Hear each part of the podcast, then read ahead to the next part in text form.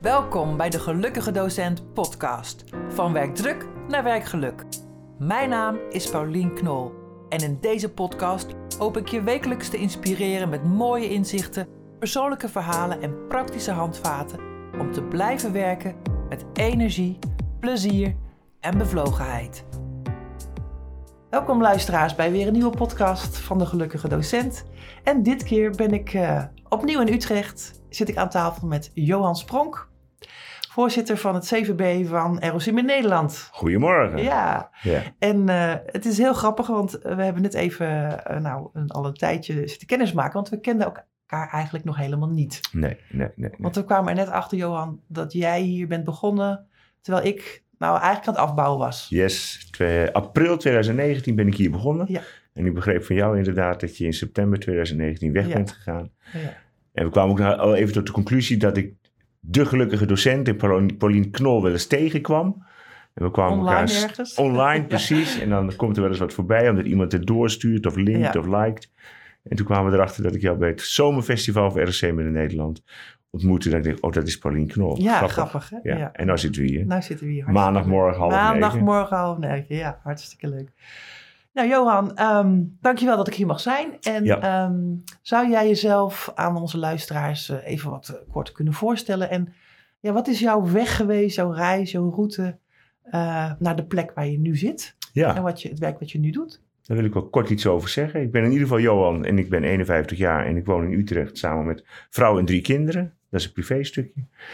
En ik ben geboren en getogen in de Achterhoek, in Ruurlo. En toen ik de HAVO had gedaan, ehm, ja, ik wist echt niet wat ik wilde. Toen ik 15, 16 was, ik, geen idee. En wat ik heb gedaan toen is eh, gewoon wegstrepen. Eh, kiezen wat ik niet wil. Oké, En ik had niks met techniek, ik had niks met dat is ook een manier om ergens te komen, hè? Even Precies, ik had weg, niks met eh, economie. Ik had, en toen kwam ik er uiteindelijk achter, toen bleef onderwijs over, dat ik altijd wel sluimerend iets heb gehad van dat ik het leuk vind om met kinderen bezig te zijn, dat ik het leuk vind om iets uit te leggen, dat ik het leuk vind om mensen te helpen. En toen bleef de PABO over en toen ben ik naar de PABO gegaan en daar heb ik vier jaar op gezeten en dat zijn mijn eerste leuke onderwijsjaren geweest. Ik was. Wat bedoel je daar precies mee? nou, de basisschool was prima. Nee, je was jong en je had weinig verantwoordelijkheid. En ik had een heel leuk dorp waar ik woonde. En ik had veel vriendjes en dat ging allemaal prima. En toen ging ik naar de middelbare school en daar vond ik helemaal niks aan. Ik begreep het niet van waarom moet ik doen wat ik moet doen. Mm. Je hopte van les naar les. Er zat geen enkele samenhang tussen. Ja, die woorden gebruikte ik toen niet. Maar die zou ik dus nu met terugwerkende kracht zeggen.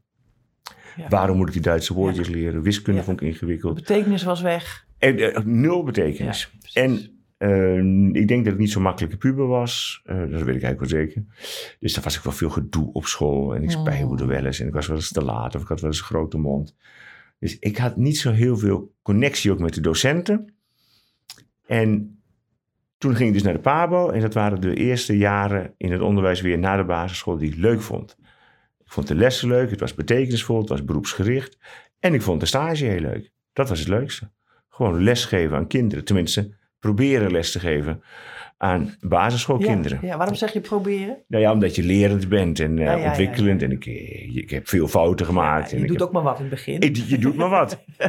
En, Ja. en, maar ook daar we trouwens wel geleerd dat ervaringsleren wel heel belangrijk ja, is. dat, zo werkt het toch? Dat is ook mijn manier. Ja. Dat is gewoon eh, erin stappen, proberen, trial and error, fouten maken Ja. en opnieuw leren. Ja. Ik ben niet iemand die het van tevoren helemaal bedenkt, uitzoekt. Ik stap erin en ik ga het ontdekken. Ja. En op basis daarvan ga ik leren. Ja. En dat was leuk. En ja, wat ik zeg, de stage vond ik het leukste om te doen. Gewoon het lesgeven. Ja. Hoe, lang heb je, hoe lang heb je voor de klas gestaan? Ik heb, eh, daarna ben ik meteen door gaan studeren naar de universiteit. Onderwijskunde in Nijmegen. Oké, je dacht eh, onderwijs is leuk. Onderwijs is leuk. oh, echt waar. Ik had het eh, leren ontdekt. Ik vond leren leuk. Ik vond onderwijs Wat leuk. Ik vond lesgeven Wat een leuk. ontdekking is dat, hè? Ja, dat was Als prachtig. je leren leuk vindt. Ja. ja.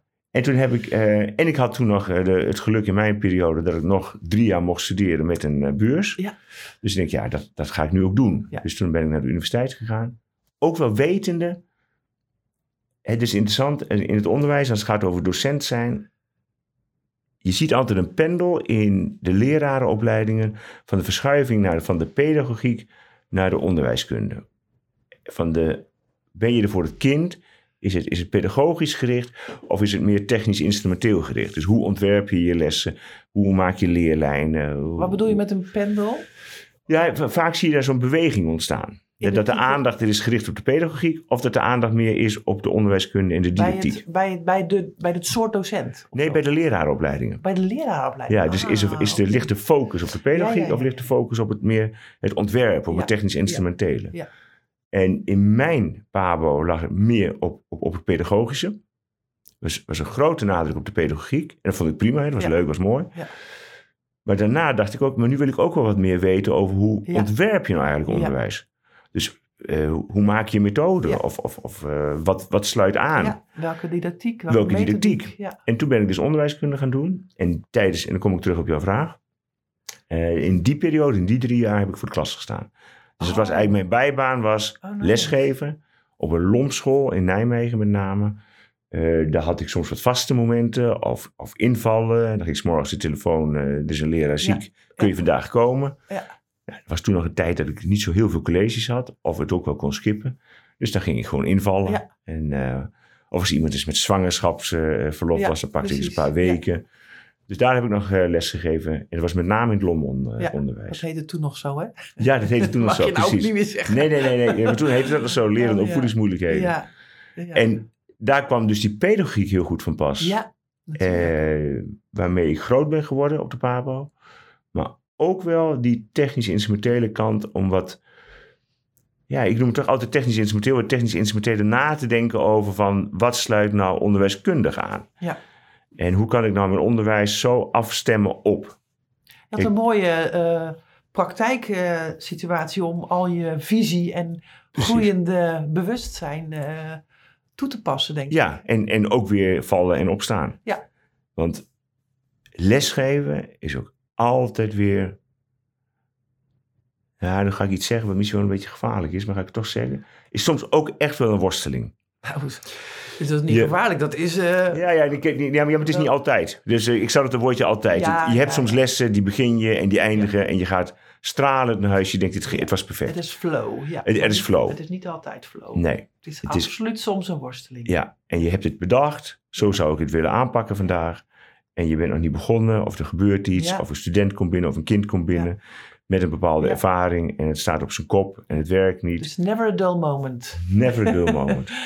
En, maar even eh, terug naar jou, eh, Johan. Want eh, ehm, de onderwijskunde heb je afgemaakt. yes. En toen? Ik heb bewust gekozen bij onderwijskunde voor de afstudeervariant beroeps- en bedrijfsopleidingen. Omdat ik ook dacht, ik vind het misschien wel leuk om werkzaam te zijn in het bedrijfsleven. Om het leren, ontwikkelen van volwassenen in een HR-context te ondersteunen. Dus ik heb daar ook best veel. eh, het was interdisciplinaire onderwijskunde trouwens, ook nog wel een belangrijke. Want dan betekent dat je van onderwijspsychologie, onderwijssociologie, onderwijseconomie, onderwijsrecht.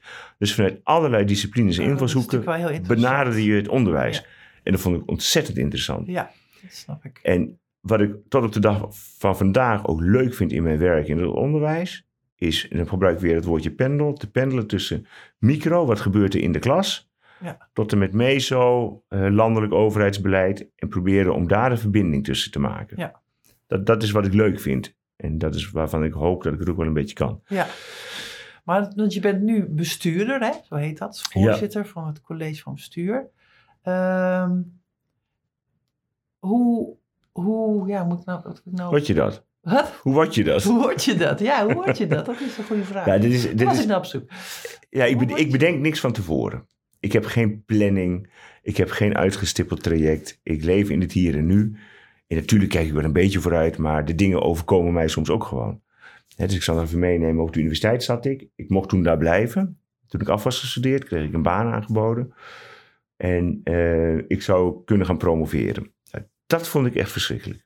Dan zat ik op een Onderzoek kamertje. doen moet je dan? Precies, onderzoek doen. Toen kwam ik al heel gauw achter, dit wil ik niet. En vanuit die situatie ben ik gaan solliciteren. En wat mij een droombaan leek, was lesgeven op een PABO. Dat leek me echt fantastisch. Oh, ja. Om aankomende leraren op Ja. te leiden. Nou, daar werd ik ergens aangenomen, hier in Utrecht op de Mannix Academie, als docent. Docent pedagogiek onderwijskunde. En daar mocht ik dat gaan doen. Nou, Dat vond ik hartstikke mooi om te doen. Ook veel studenten begeleid in de stage. Was heel mooi. En daar gaat ergens iets ontstaan. In mijn geval. Dat je dan word je een keer coördinator. Dan Ja. word je een keer Ja. teamleider. Ja. Dan word je manager. Nou, dat heb ik zo'n paar jaar gedaan. En toen ben ik in 2010 overgestapt naar het mbo. Het Grafisch Lyceum Utrecht. Daar werd ik directeur, directeur onderwijs. En daar werd ik twee jaar later bestuurder. Nou, zo. Ja, zo rolt het door. Zo rolt het door, zonder dat ik het allemaal bedenk van tevoren, maar Ja. het, het er is wel, er overkomt zit wel een logica in, gelukkig. In die zin zit er een logica in. Toch? Ja, nee, absoluut, absoluut. gaat van micro naar meso, meso eh, Ja, langzaam. en dan, maar dan wel hè, in, in, in de huidige rol dat ik me probeer te blijven eh, bemoeien in de zin van wi- willen weten wat er nou in die klas gebeurt. Ja. Hè, dus omdat ik ook wel 100% de overtuiging heb dat daar de mensen zitten die het verschil maken. Hm. Mooi. Het is dat- een mooi bruggetje naar misschien eh, werkgeluk of studentgeluk. Ehm, we spraken al even voor de podcast over het hele interessante thema dat er veel eh, volwassenen in ik geef nu op dit moment aan volwassenenles, zo'n zo'n negatieve leerervaring hebben uit vroeger. Nou, je herkent het bij jezelf, ik herken het bij jezelf. We zagen het bij onze kinderen nog steeds. En je zegt, ik wil weten wat er speelt in de klas. Ja. Ehm, het, ik denk dat het nog vaak aan de gang is dat studenten niet zo gelukkig zijn. Ik denk dat het ook nog vaak aan de gang is dat docenten niet gelukkig zijn. Zie jij dat ook terug? Dat zie ik helaas ook wel terug. En ik denk natuurlijk ook heel veel na over hoe kunnen we daar nou een verandering in brengen. Overigens wil ik er ook van tevoren bij zeggen dat we ook het leed van de wereld niet allemaal op onze schouder moeten nemen. Hè? Dus soms is het ook zoals het is. Wat En- bedoel je dan precies? Nou ja, kijk, je kunt niet altijd alles veranderen. Ehm, je moet vooral blijven zoeken naar van wat is beïnvloedbaar. Ja. Hè, dus, dus wat zit wel in mijn cirkel van invloed? Ehm, want er zijn ook best veel studenten die uit situaties komen bij ons op school, waarbij je de situatie waar ze vandaan komen niet kunnen veranderen. Nee. Wat niet wil zeggen dat wij niet hoeven weg te lopen voor de opdracht die we daarbij hebben. Dat we geen invloed hebben, maar niet het, op het grote plaatje misschien. Precies, Ja. precies. En ik denk dat een van de sleutels, ook voor werkgeluk overigens, maar ook voor het studentsucces en dat geluk van die docent, zou bij mij zitten veel meer in het vragen stellen aan elkaar. Hmm. Het, het bevragen op waar zit dat nou? Het zoeken met elkaar naar van hoe kunnen we er nou voor zorgen dat we hier een stapje verder in komen. Ja. In het geluk. Mooi. In het geluk van het leren of in het geluk van het, eh, van het doseren, van het, van het lesgeven. En ik denk dat we wel eens veel te weinig tijd nemen, of misschien ook wel faciliteren vanuit de organisatie. Ik vind het prima om het zelf eh, op te nemen. Om eh, de vrijheid te nemen om die vragen te stellen. Hm. En om te willen onderzoeken. Ja, en om te willen onderzoeken Ja. van waar zitten dan mogelijk de knoppen waar we aan kunnen draaien. Ja. We zitten te denken in vier keer tien weken hier, in roosters. Ja. We hebben een klas en een docent en een groep. En die groep heeft een naam, 1A, whatever. En dan gaan we dat doen, die komende 50 Ja. minuten daar. Maar de vraag is of we dan de echte vragen op tafel krijgen... Die er achter die wereld van die studenten en die docenten zitten. En de, de, de wereld verandert ook eh, nog continu. Hè? Ik heb eh, begrepen dat na de corona, de, hoor ik van collega's, eh, toen was ik zelf even niet in de klas, maar dat de, de wereld na corona voor die studenten, vooral de bollers, echt heel erg veranderd is. Dat het een hele andere gedragingen zich voordeden en zo. En Ja. dat is natuurlijk ook een hele veranderende situatie weer. En op zichzelf is dat heel heftig. Hè? Als, Ja. je ziet, als, je, als je het goed begrijpt wat er achterweg Ja. is gekomen. Ja. En dan moet je dus durven, denk ik, af en toe, ook als school, als onderwijsinstelling of als mbo, dat je even niet de lesstof op één zet, maar het welzijn van de student op Ja. één zet. Of het welzijn van een collega. Ja. En dat verschuurt natuurlijk iedere dag aan alle kanten. Ja. Want we hebben ook een inschrijving, we hebben een, een, diploma wat gehaald moet worden, een rendement wat je moet... rendementen. Maar ik zou, de, ik zou wel de hypothese aandurven om eens te kijken, als we nou het welzijn op één zetten van de student, komt dan het leren misschien ook wel wat meer weer vanzelf. Oeh, Dus. Aan, aan gras moet je niet trekken, want dan gaat het niet groeien. Ehm, en dat geldt hier misschien ook wel.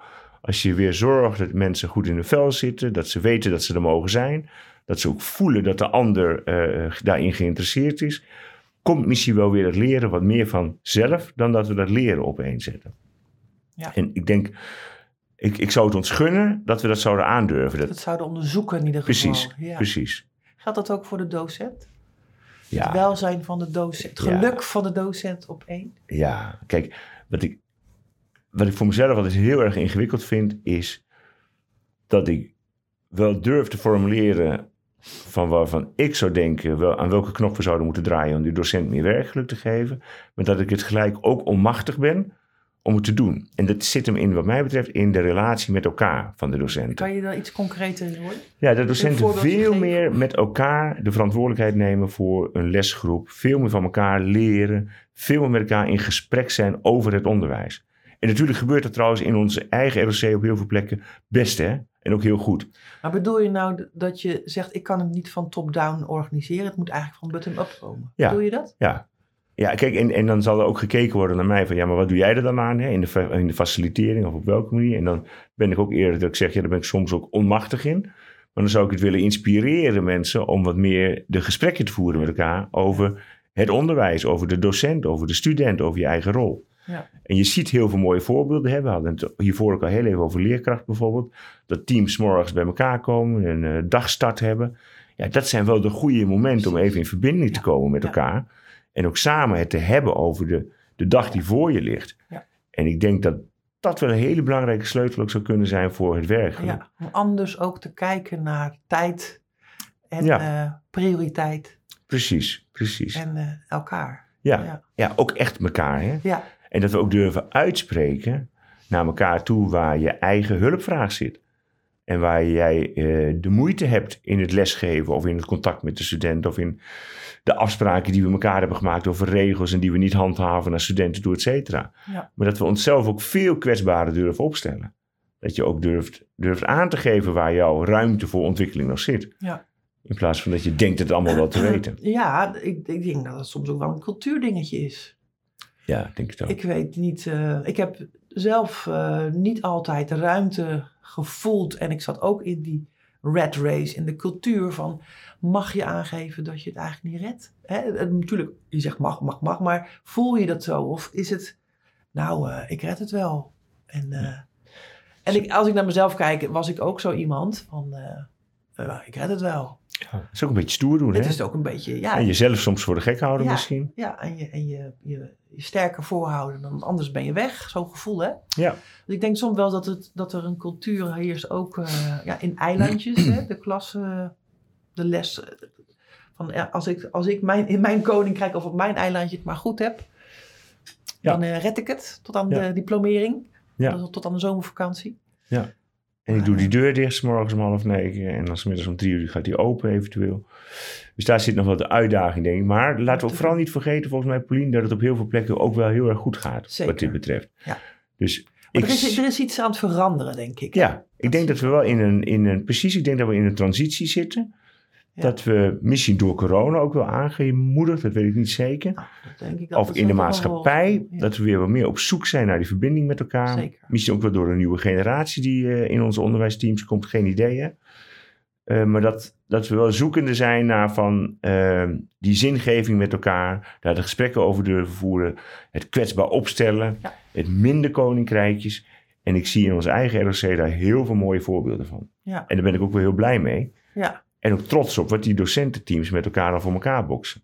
ja, zeker. Want de opdracht is natuurlijk nog steeds iedere dag heel erg groot hè, voor die docententeams. Die, die, die hoeveelheid en diversiteit aan studenten die je voor je neus hebt de hele dag. Die niet altijd zin hebben om te leren. Die echt niet altijd juichend naar school toe komen. Nee. En dan heb je het maar mee te doen. Ja, daar heb je het mee te doen. Dat is ook een enorme opgave. En, en dan vind ik het nog steeds bewonderenswaardig hoe dat lukt. Ja. Ja. En wat voor mij een hele belangrijke is, ehm, ook voor het werkgeluk, is dat het niet alleen over het werkgeluk van de docent gaat. Want die docent doet het in een context van een school waar ook andere mensen werken. Waarin er heel veel mensen omheen zitten die mede dat werkgeluk kunnen bepalen. En dat kan de conciërge zijn, dat kan de roostermaker zijn, Zeker. dat is de manager.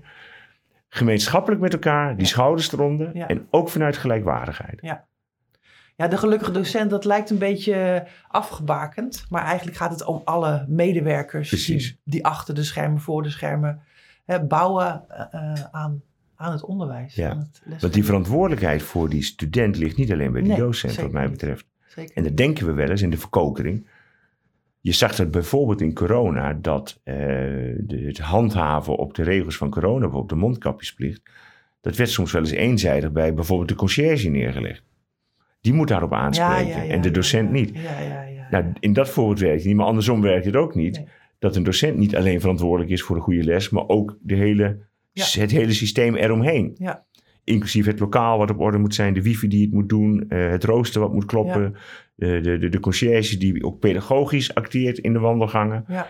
Dus in, in die volle breedte van de verantwoordelijkheid, daar zie ik ook nog wel een hele mooie uitdaging voor de toekomst om er wat meer op gang te krijgen. En in deze mooie ehm, uitdagingen die er dan liggen, waar, waar, waar zie jij jouw rol?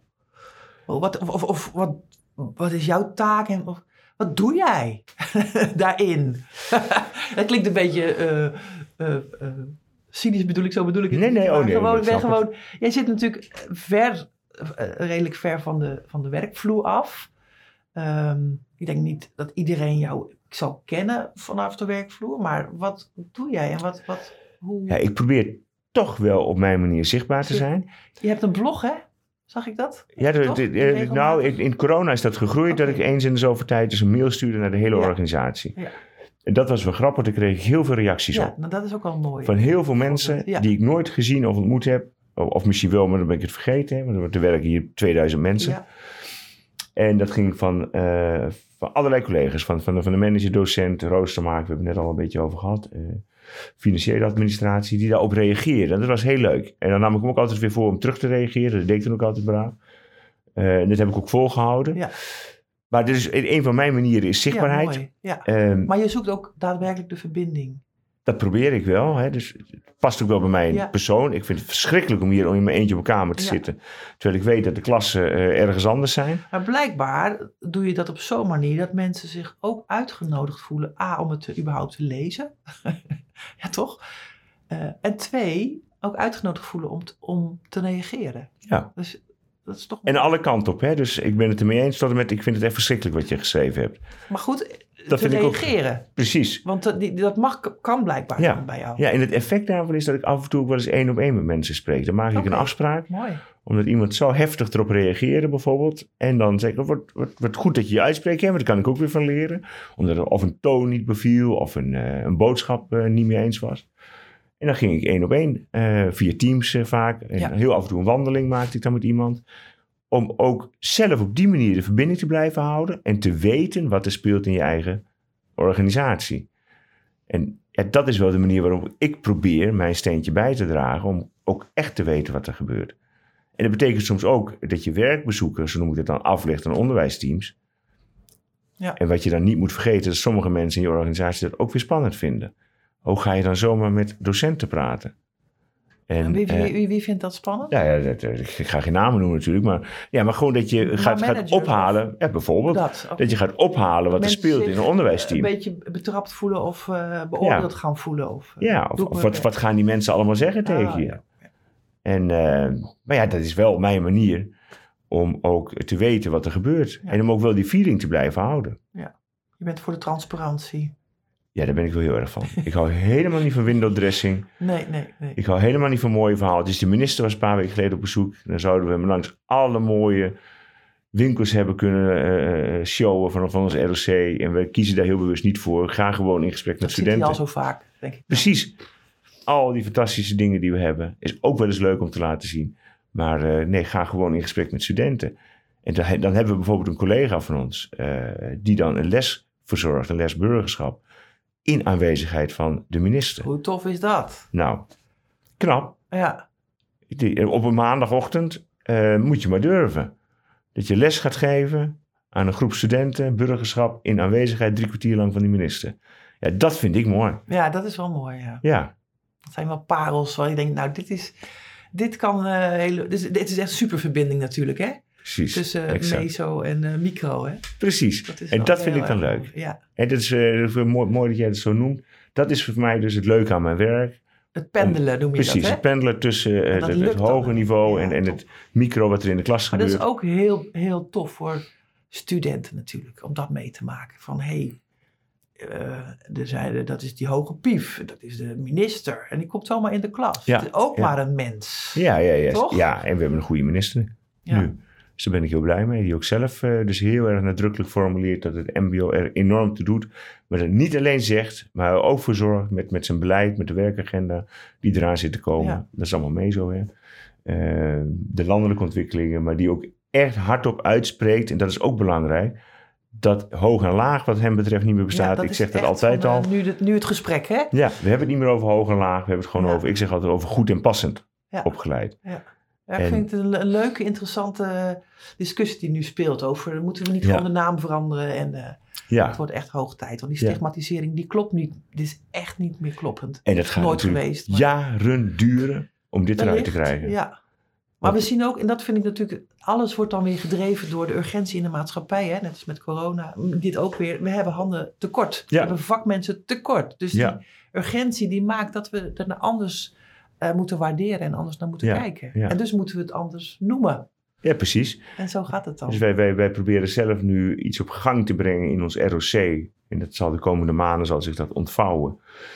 De boodschap dat, dat onze mbo-studenten en wij als, als, als school, als organisatie, de makers van de samenleving zijn. Ja. Dus de samenleving is echt wel gebouwd ook op, ook op deze vaktalenten. Op deze, deze kanjes eh, eh, die, die, die ervoor zorgen dat alles door kan gaan. Ja, ik, ik ben bijna geneigd om alle voorbeelden te noemen. Maar die kennen we natuurlijk. De verpleegkundige, Ja, ja, ja. De, de, de, de, de bouwers, installateur, precies. eh, allemaal.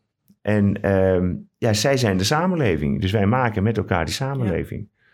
En ik denk dat dat wel een mooie boodschap is, ook van ons ROC, dat wij die makers van de samenleving mogen opleiden. Ja. En misschien dat we daar ook weer een stukje werkgeluk uit kunnen halen, dat we zelf die trots ook weer gaan uitstralen Precies, als ja. ROC en als docenten. Ja. En als medewerkers van ons ROC, dus niet alleen de docenten, dat wij daar een hele belangrijke rol in Ja. hebben. Dat is weer het zingeving en betekenisgeving. Precies. Hè? Die, eh, Dat wij die makers van de samenleving mogen opleiden. Ja. dat zou ik heel mooi, vinden. Nou ja, ik, ik weet niet. Ik heb zelf altijd wel gedacht als eh, docent. Dat docenten toch altijd wel het idee had, ik ben wel zinvol bezig. Hè? Je hebt altijd bezig met mensen in op, opleiding en ontwikkeling. En dit is natuurlijk een extra dimensie, dat het ook weer breder gaat, de maatschappij in. Ze zijn echt nodig. Ja. Ja. Ja, dat vind ik het mooie ook aan ons beroepsonderwijs. Dat we enerzijds heel erg bezig zijn met een eh, beroep leren, met een Ja, vak. ja. Hè, we zien het ook terug in onze docentenpopulatie. Ehm, Dan die komen dat- ook uit het vak, bedoel je dat? Precies, Ja, precies. ja. En die hebben verstand van Ja, dat, eh, beroep mooi. van het vak. En dat gaan ze overbrengen. En sommigen voelen zich nog steeds ook dat vak. Hè? Die voelen zich de timmerman of, Ja. of, of, of, of de... eh, Kapper of wat dan ook. Precies. Maar tegelijkertijd hebben ze ook een pedagogische opdracht. En hebben ze ook de opdracht om die student verder te brengen in zijn persoonlijkheidsontwikkeling, Ja. in zijn persoonsvorming. Ja. En hebben ze ook iets te doen op het moment dat het niet werkt in de klas. Ja. En ja, die, ook daar zit weer zo'n pendel tussen trouwens, dat is interessant.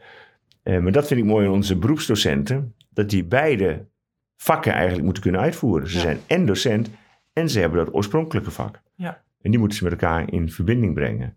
En dat, is, ja, dat, vind, dat vind ik heel mooi. Ja, vind ik ook het leukste wat er is hoor. Ik ben dan niet een specifiek vakdocent, maar als je de koppeling kunt maken tussen nou ja, die persoonlijke ontwikkeling, theorie en de praktijk, Ja, dan eh, gaat die eh, shinen volgens mij. ja. Eigenlijk heb ik hetzelfde gedaan op de PABO. Ja, precies. Dat ik les gaf op de PABO. Dus mijn, Ja. mijn oorspronkelijke vak leraar Ja, proberen te leren aan, aan, aan, toekomstige leraren. ja, Nou, dat zie je hier in ons college.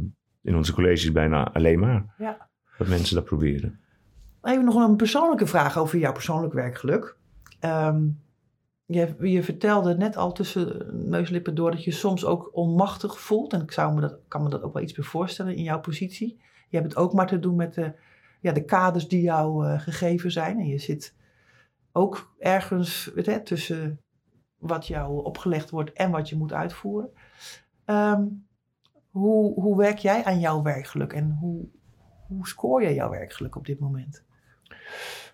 Twee vragen Ja, zijn, Dat maar is is echt een hele, kort. het zijn ook hele moeilijke vragen, Paulien. Ja? Ehm, kijk, ik ga iedere dag met plezier naar mijn werk, omdat ik het gewoon leuk vind. Ik, ik, wat ik doe, vind ik leuk.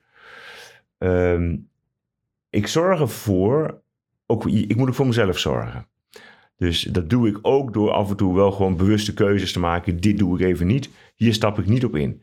Dus krijgt Ja. ontzettend veel verzoeken om met die in gesprek te gaan en met die in gesprek te gaan. Ik kan de hele dag vullen met ik weet niet hoeveel gesprekken. En ik kies er soms heel bewust voor om bepaalde gesprekken niet te voeren. Om Ja. bepaalde dingen niet te doen. Omdat ik het veel leuker vind om dan maar even een ruimte in mijn agenda te maken. En naar een college te rijden. En daardoor het gebouw te lopen. Ja. En studenten te zien en docenten te zien en te spreken. Ja. Dus dan voed Dus je jezelf weer. Ik voed mezelf gewoon met dat. Dus dat zijn cadeautjes die ik mezelf gun. Ja. En de andere kant is dat het soms best ingewikkeld is, inderdaad. Dat klopt. Ehm, want helaas zit je op een stoel waarin je A soms heel ver weg staat van de dagelijkse praktijk. Ja. Maar ook vaak wel de probleempjes op je bord komen. De incidenten. Je, je bagatelliseert probleempjes. Volgens mij zijn het ook problemen, of niet? Ja, ik, dat zegt wel iets over mezelf. Ehm, ik zie niet zo heel, veel, heel snel iets als een heel groot probleem. Ik kan redelijk goed relativeren. Ik, ik Dat is ook wel nodig, denk ik, misschien. eh. dat is af en toe wel heel Ja. hard nodig hier. Ik denk, nou ja, de soep zal ook wel niet zo heet gegeten worden. Oh. En eh er is trouwens ook wel een rol, denk ik, die ik heb om te proberen eh, datgene wat eh, lijkt op te vlammen als een heel groot probleem, om dat weer in te dammen. En nou ja, laten we het even afpellen. Uiteindelijk blijft er een vrij overzichtelijke casus over. En dat vind ik trouwens ook wel weer leuk om te doen. Dus eh, het terugbrengen naar de essentie. Ja. Het probleem het probleem laten zijn en daar een oplossing voor vinden zonder de al te veel ingrediënten eraan toe te voegen. Mm. Ehm, maar dus het, het, het relativeren, op die manier probeer ik ook mijn eigen werkgeluk eh, te organiseren. Mooi. Nou, ik vind ook gelijk, zie ik wel wat tips, eh, hè, waar ik denk, oh ja, dat is, dat is inderdaad, je moet zorgen voor je eigen energie, hè, dat vertelde je, en je moet het relativeren, en je moet doen wat je leuk vindt. Ja. Naast al die dingen die ook gewoon soms lastig zijn. Ja. Ik zat vanmorgen in de auto en toen hoorde ik op de radio, de context ben ik even kwijt, maar er was een, een persoon die liet een wit blad zien. Dus gewoon een wit vel papier met een zwarte stip erop. En dan vraag je aan mensen, wat zie je? En iedereen zegt, die zwarte stip. En dan zegt die persoon, maar hoezo zie jij die zwarte stip? Want ik zie veel meer wit. Dus we zijn ook geneigd om te kijken naar datgene wat negatief opvalt, laat maar zeggen. Terwijl we de ruimte eromheen eh, is soms veel groter. Ja. Dus laten we ook die blik zelf maar weer naar het positieve richten, naar het optimistische richten. Ik ben ook wel van de, ook. Die Ja. er ook. Ja, ik ben ook wel van de optimistische pedagogiek. Hè? Dus, dus laten we ook, ook, ook, Ja, ook mooi. het mooie zien. mooi. In plaats van alleen maar focussen op, op wat er moeilijk is en wat er moeizaam gaat en wat problematisch Ja, is. precies. Daar, daar ben ik ook niet zo van. Nou, prachtig. Ik sluit af met de wondervraag. Ehm, stel, jij mag één ding, één ding veranderen voor het komend jaar. En dat zou lukken binnen het onderwijs. Wat zou dat dan zijn? Oh, dit is wel, deze, deze overvalt me. Deze vraag had ik graag van tevoren gehad. Nee, nee, nee, dat is flauw. Het mooiste is natuurlijk je, je eerste primaire... lekker kletsen, heb je wat tijd om na te denken.